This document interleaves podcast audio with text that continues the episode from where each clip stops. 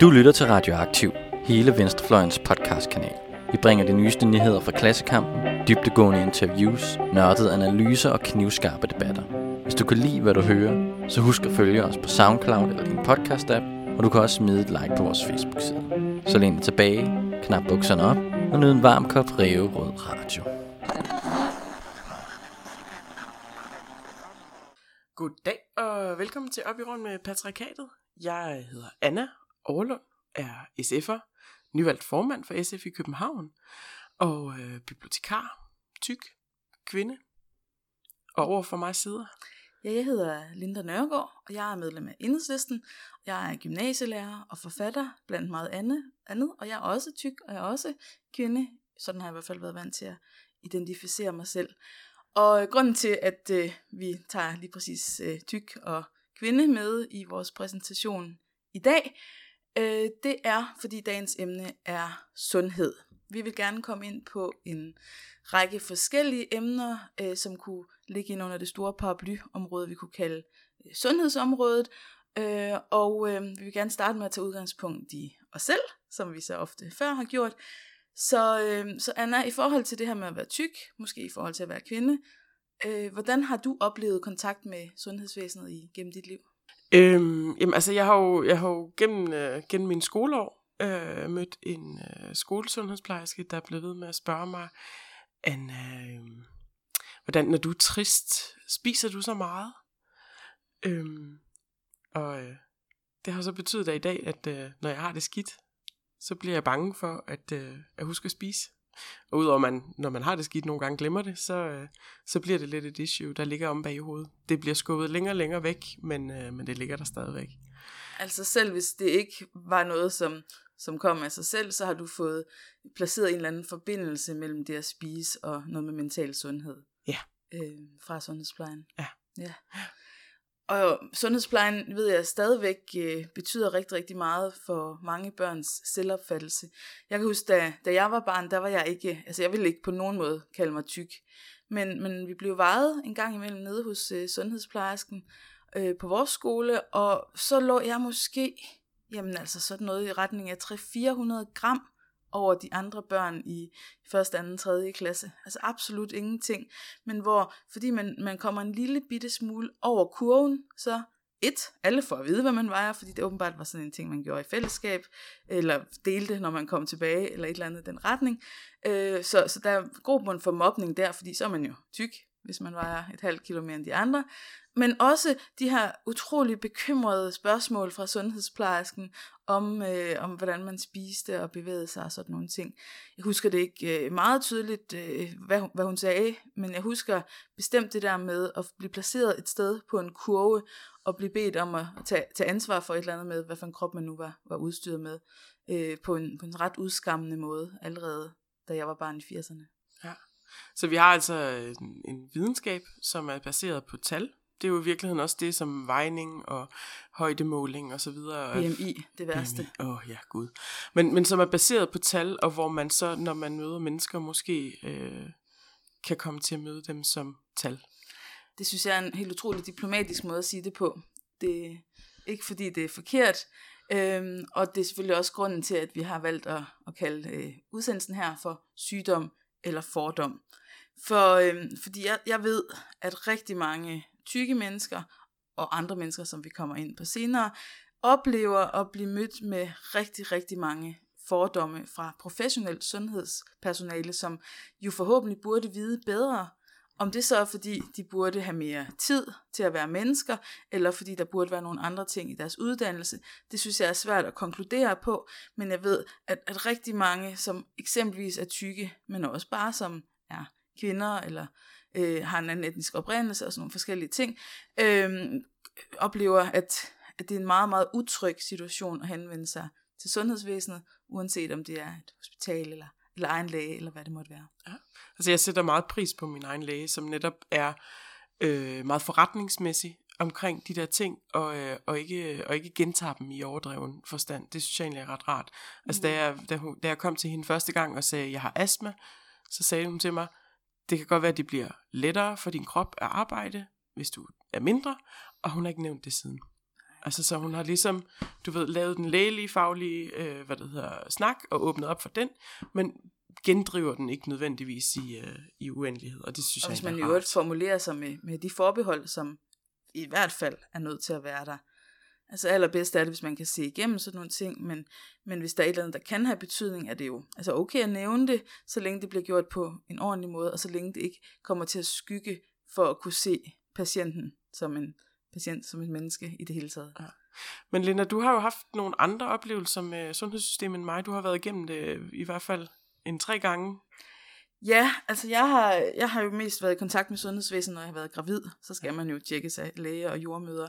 Og det er jo også generelt rigtig, rigtig rart, at de holder øje med en og sørger for, at, øh, at ting nu går, som det skal. Jeg, øhm, så, men, men jeg er også tyk, og, øh, og en del af det er øh, noget vejning. Men de vil gerne vide, hvor meget man vejer, når man bliver gravid. Og så øh, bruger de faktisk det til at screene en til øh, hvordan man skal behandles hele vejen igennem systemet. Og det har jeg oplevet som ekstremt ubehageligt.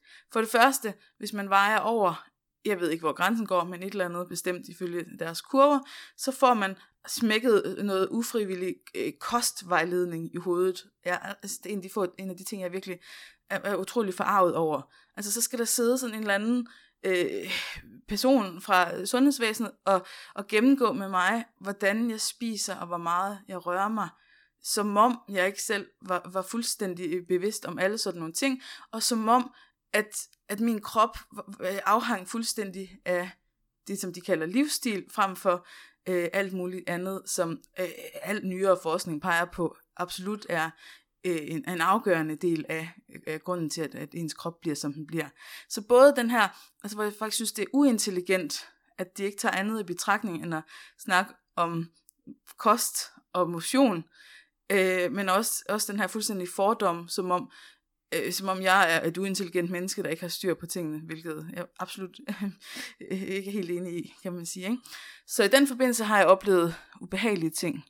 Øh, generelt så, så handler det meget om det menneske, man bliver mødt af øh, den enkelte læge eller jordmor, eller hvad det måtte være. Fordi jeg har også oplevet rigtig mange, som, som jeg synes er i stand til at se mennesker, og som ved, at at øh, ved at tale med mig i få minutter, at min vægt overhovedet ikke er relevant for noget som helst. Jeg har født øh, tre sunde og raske børn og haft det, som enhver læge er nødt til at være enig med mig i, har været ukomplicerede graviditeter. Altså der har simpelthen igennem mit liv intet været med mig, som har noget som helst med min vægt at gøre, og jeg er altså alt andet lige 42 år gammel på nuværende tidspunkt. Så du, Så-. Øh, du er en opser i skemaet, men øh, Så i skemaet, så, så skal de være opmærksom på min vægt, men, men reelt set har det ikke haft nogen betydning for, øh, for min sundhed, og det, det har de jo været nødt til at erkende. Så det er jo en blanding af, at det er da selvfølgelig fint, at de gerne vil være påpasselige, men når de bliver påpasselige ud fra nogle tal, i stedet for ud fra et menneske, øh, ud, øh, så ud fra et menneske og, og menneskets egne erfaringer. Jeg kender min krop, og jeg har været gravid en del gange. Øh, og det, det er der bare mange, der ikke vil lytte til, fordi de ser et tal, som går ud over deres kurve. hmm. Øhm, så det, det er jeg ret forarvet over på det personlige plan, samtidig med, at jeg jo har øh, hørt om og læst om andre, som er øh, tykke eller falder uden for kurverne, og derfor oplever meget, meget mærkelige ting. Og det er i virkeligheden lige fra babyer, som bliver vejet til at være en lille smule for store, en lille smule for små, og hvor deres forældre allerede fra omkring barnets fødsel bliver rådet til at give mere eller mindre mad øh, til, til en baby, øh, nogle gange og på forskellige tidspunkter, alt det- for at de kan ramme en anden kurve helt perfekt, i stedet for at se, at, at normalen naturligvis er et spektrum, og at man skal lade være med at blive meget bekymret for, for små udsving. Hmm. Øh, og så til voksne mennesker, som, øh, som har fortæller frygtelige historier om, at de har brækket en finger, eller har astma, eller alt muligt andet. De kommer med øh, noget udslæt, og straks så skal det hele handle om deres vægt. Og faktisk er der mange øh, læger eller sundhedspersonale personer, som, øh, som nægter at forholde sig til ret meget andet, øh, så længe den vægt er til stede i mennesket. Og det synes jeg er et stort problem. Men hvad betyder det for den enkelte, tror du? Altså fordi, jeg, jeg tror, hvis jeg ikke havde den læge, jeg havde, øh, så tror jeg måske også, jeg ville være, du ved, have en tendens til ikke at dukke op lige så ofte, som, øh, som, som jeg skulle. Altså fordi så bliver det jo en konfrontation Mm. øh, med noget, som du ude i samfundet også bliver udskammet for. Ja. Øhm, og det bliver en konfrontation i et rum, som egentlig er ret øh, jeg ved ikke, privat er måske ikke det rigtige ord, men på en eller anden måde er det meget tæt på, ikke? Det er, det er meget, helt, din krop er jo en intim øh, Mhm. sfære på en eller anden måde. Og også diskussionen om det er jo i virkeligheden et tillidsrum, man har øh, Mhm. med sit øh, sundhedsfaglige personale. Ikke? Jamen, altså, jeg hører jo mange, som, som ikke tør eller bryder sig om at gå til læge af forskellige årsager, men blandt andet på grund af den måde, som, som de bliver set på af sundhedspersonalet. Jeg har det også selv lidt sådan, jeg går med, når jeg er gravid, og, og hvis der er et eller andet, jeg føler er meget alvorligt, så skal jeg nok gå til læge, men, men jeg går hellere en gang for lidt, end en gang for meget. Det er helt sikkert. Og mange øh, holder sig helt væk, og Mm. nogen, i nogle tilfælde fører det til alvorlig sygdom, eller ligefrem død, at, øh, at de ikke føler sig set og godt behandlet i sundhedssystemet. Ja, fordi det, det, det tror jeg er en af de ting, der bekymrer mig mest ved det i virkeligheden, det er det der med at, at få skabt en kultur for, at du ikke går til lægen, når mm. der er Mhm. noget i vejen. Ja. Øhm, og og det, øh, det, det bliver bare sådan overskyggende og, og, og underminerende i forhold til øh, den enkelte sund, enkeltes, enkeltes sundhed. Og, og det er det, jeg mener med, at, at hele det her område hører sammen. Der er sådan en, en generel øh, skævvridning, som opstår på grund af, af det her med balancen mellem sygdom og, og fordom i virkeligheden. Ikke? Nu har vi taget udgangspunkt i det med at være tyk, øh, og at vi øh, i hvert fald opfattes som kvinder, vi er tildelt kvindekøn.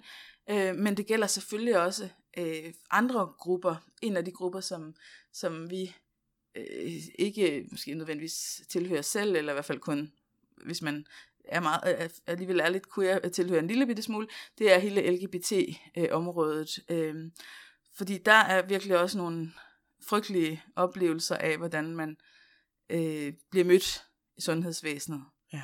Og vi har faktisk øh, fået lov til at låne øh, en lille fortælling, øh, som mange sikkert kender, øh, og den kommer i form af en sang.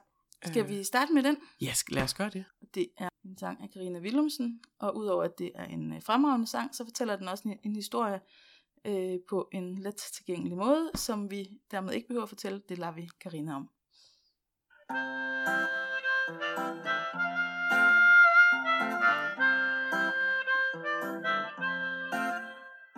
Jeg er lesbisk, stolt og promiskuøs Jeg har en tråd, og den er løs Og jeg kender faktisk en, der fik klamydia uden at røre en mand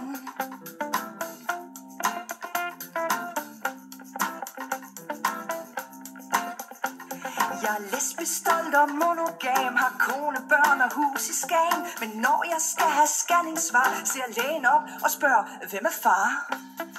Hvem er far? Hvor er far? Far? Far? Hetero-liv, hetero-land, vi lærer en MK, hetero-mand. MK, hetero. Hetero-liv, hetero-land, vi lærer MK, hetero-mand.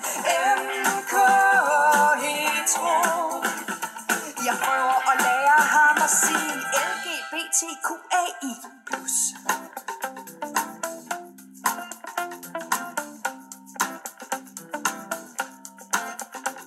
Jeg er genderqueer og non-binær Jeg kan lide at være den jeg er Men min læge synes ikke det er fedt Han siger der er to køn, vælg nu et Vælg nu et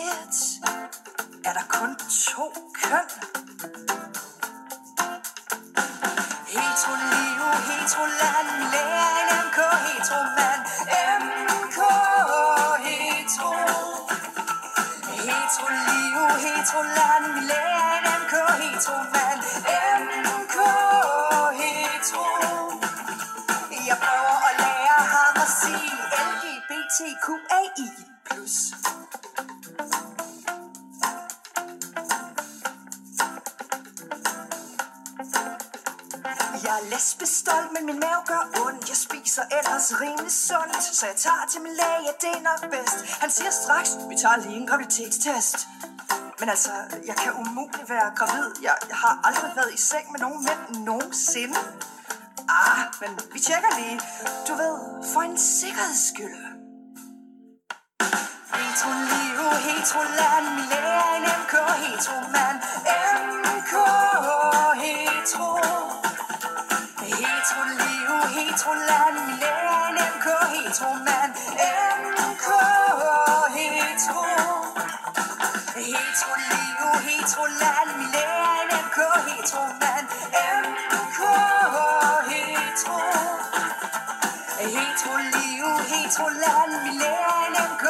heteromand MK hetero Jeg prøver at lære ham at sige LGBTQAI plus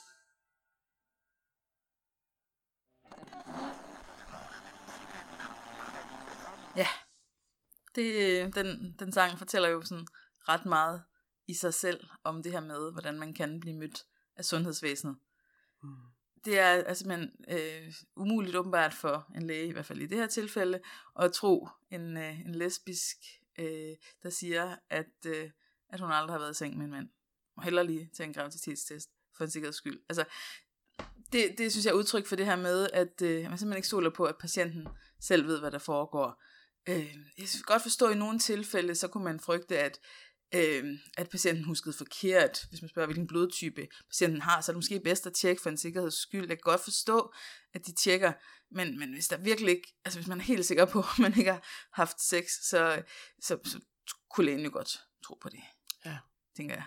Altså, den mistro øh, at blive mødt med, ikke? Ja. Jeg tror også, altså det er jo, der nævner jo faktisk flere historier i løbet af, af, af sangen her, og den med graviditetstesten er også den, der står tydeligst for mig.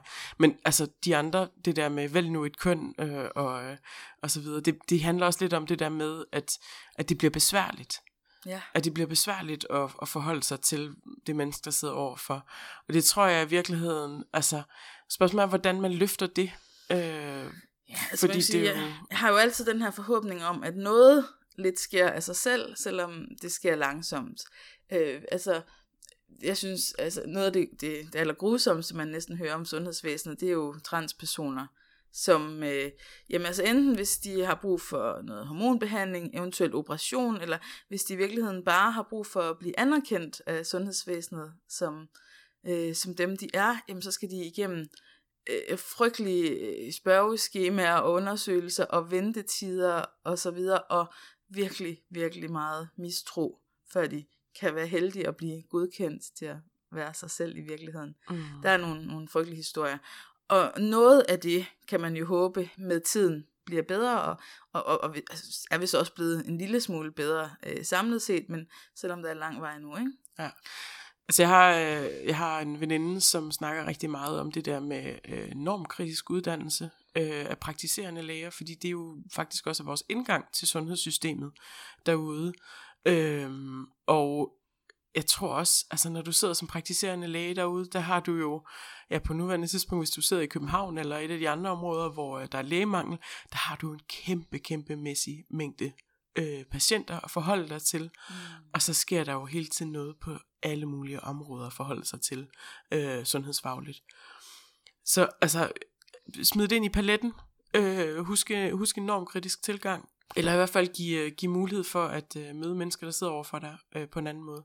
Jeg er meget fascineret af, nu øh, som sagt har jeg ikke været igennem sundhedssystemet med graviditet, men jeg er meget fascineret af den jordmor, der hedder Camilla Tvede. Ja, Camilla Tød, ja. Øh, det, hun er god til os at øh, skabe en, øh, en samtale om, hvad det er, hun laver, når hun, øh, når hun møder øh, familier.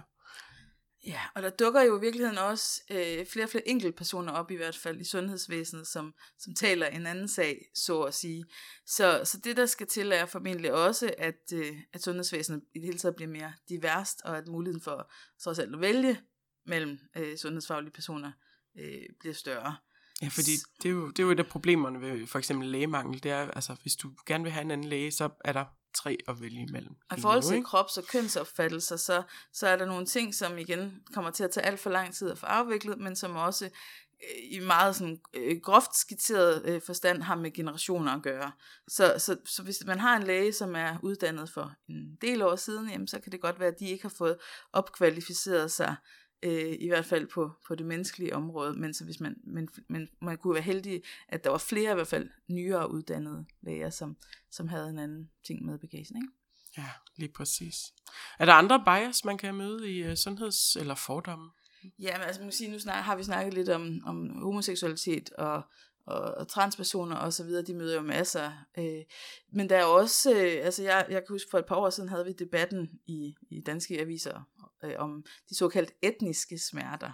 Okay, hvad, det var, hvad er det? det var også sådan en virkelig underlig situation, men altså det, det er faktisk en måde at, at beskrive øh, altså udefra en, en bias i forhold til en forudindfattethed i forhold til, at øh, hvis man kommer fra en anden kultur, hvordan man så end definerer det, eventuelt har noget sprogbarriere, at, øh, at så, øh, så er der nogle læger, som har puttet personerne i en eller anden, igen fordi de har brug for at putte dem i kasser, kasse med etniske smerter, det vil sige, de har en vis anerkendelse af, at de ikke helt forstår, hvad det er, øh, patienten siger eller føler, men også at, at de, de har en idé om, i hvert fald ifølge nogle af de artikler, jeg har læst, at, at nogle patienter oplever øh, sygdom og smerte anderledes, øh, og, og som jeg læser det, måske i virkeligheden fækker det lidt i nogle tilfælde, eller overdriver nogle ting, der ikke burde overdrives. Og i virkeligheden er det meget interessant, fordi der er absolut en psykologisk komponent øh, til alt fysiologisk, øh, og, og det kan være spændende at tænke på det, men, men der kommer det jo bare til at stinke utrolig langt væk af fordom. Og der var sådan en historie om en, en øh, dansktalende søn, så vidt jeg kunne forstå, der havde hørt en patient tale om, om, øh, om, om hans forældre, øh, og, og, og sige det her etniske smerter, det var det, var det der ligesom foranledede i den snak. Ja. Så, så også hvis, hvis der kommer en patient, man ikke kan forstå, om det så er af etniske årsager, eller øh, seksualitetsmæssige årsager, eller bare at man har øh, et andet øh, tankesæt om, om krop og sind og sygdom, jamen så kan det være rigtig svært for det enkelte sundhedsfaglige øh, øh, menneske at, at pejle sig ind på, hvad der sker. Og så synes jeg også, at det kan virke ofte som om øh, viljen mangler. Nu vil jeg gerne sige, at nu skal du ikke være sådan en generel kritik af sundhedsvæsenet, fordi vi kunne også sagtens fremhæve en, en hel masse øh, sundhedsfaglige personer, som gør det rigtig godt, mm. og som, som peger i en helt anden retning. Men der er bare en tendens i forhold til, at mange har de her oplevelser, som også bliver øh, selvforstærkende øh, ofte, fordi, ja, fordi man, man så også går til det med en utryghed. Ja. Men jeg tror, også, altså, jeg tror også, det er vigtigt at forholde sig til, og det er jo også det, du nævner i forhold til, at det er en udvikling, og det er en kulturændring, og, og, det, og der sker skred forskellige steder, netop ved, at vi har nogle øh, dygtige, stærke, faglige øh, fyrtårne, der kan være med til at løfte den del af debatten. Øhm, jeg tror, noget af det, jeg også har været meget opmærksom på, det var hele bloddonationsdebatten, som der har været i forhold til, øh, til at man, øh, da man begyndte at sætte reglerne op for bloddonation, Øh, så satte man et sæt regler op for mænd, der har sex med mænd. Øh, og så satte man et sæt regler op for øh, folk, der har tatoveringer, og folk, der har så videre, hvor man har forskellige grunde til at øh, dømme det som værende, øh, hvad hedder det, en, en udsat liv, livsstil i forhold til at kunne levere øh, sundt blod til blodbanken. Faktisk så generelt, at hvis en øh, mand øh, udfyldte schema om, at de på noget tidspunkt nogensinde i hele deres liv havde haft seksuelt samvær af nogen art med en anden mand, så kunne de ikke blive bloddonorer. Er det lavet om? Øh, der har i hvert fald øh, blæst vind i den retning, øh, og man har rykket meget på det. Øh, det er også det ved det, at vi har jo en ændret teknologi til at registrere, hvad der er i blodet i dag, end, øh, end da man i sin tid for mange årtier sat, sat de her regler op. Øh, så nu er det mere blevet sådan en, en, en sær form for udskamning af, at også er et indrøm i, i, en, i et dokument, at du har haft øh, sex med en anden mand.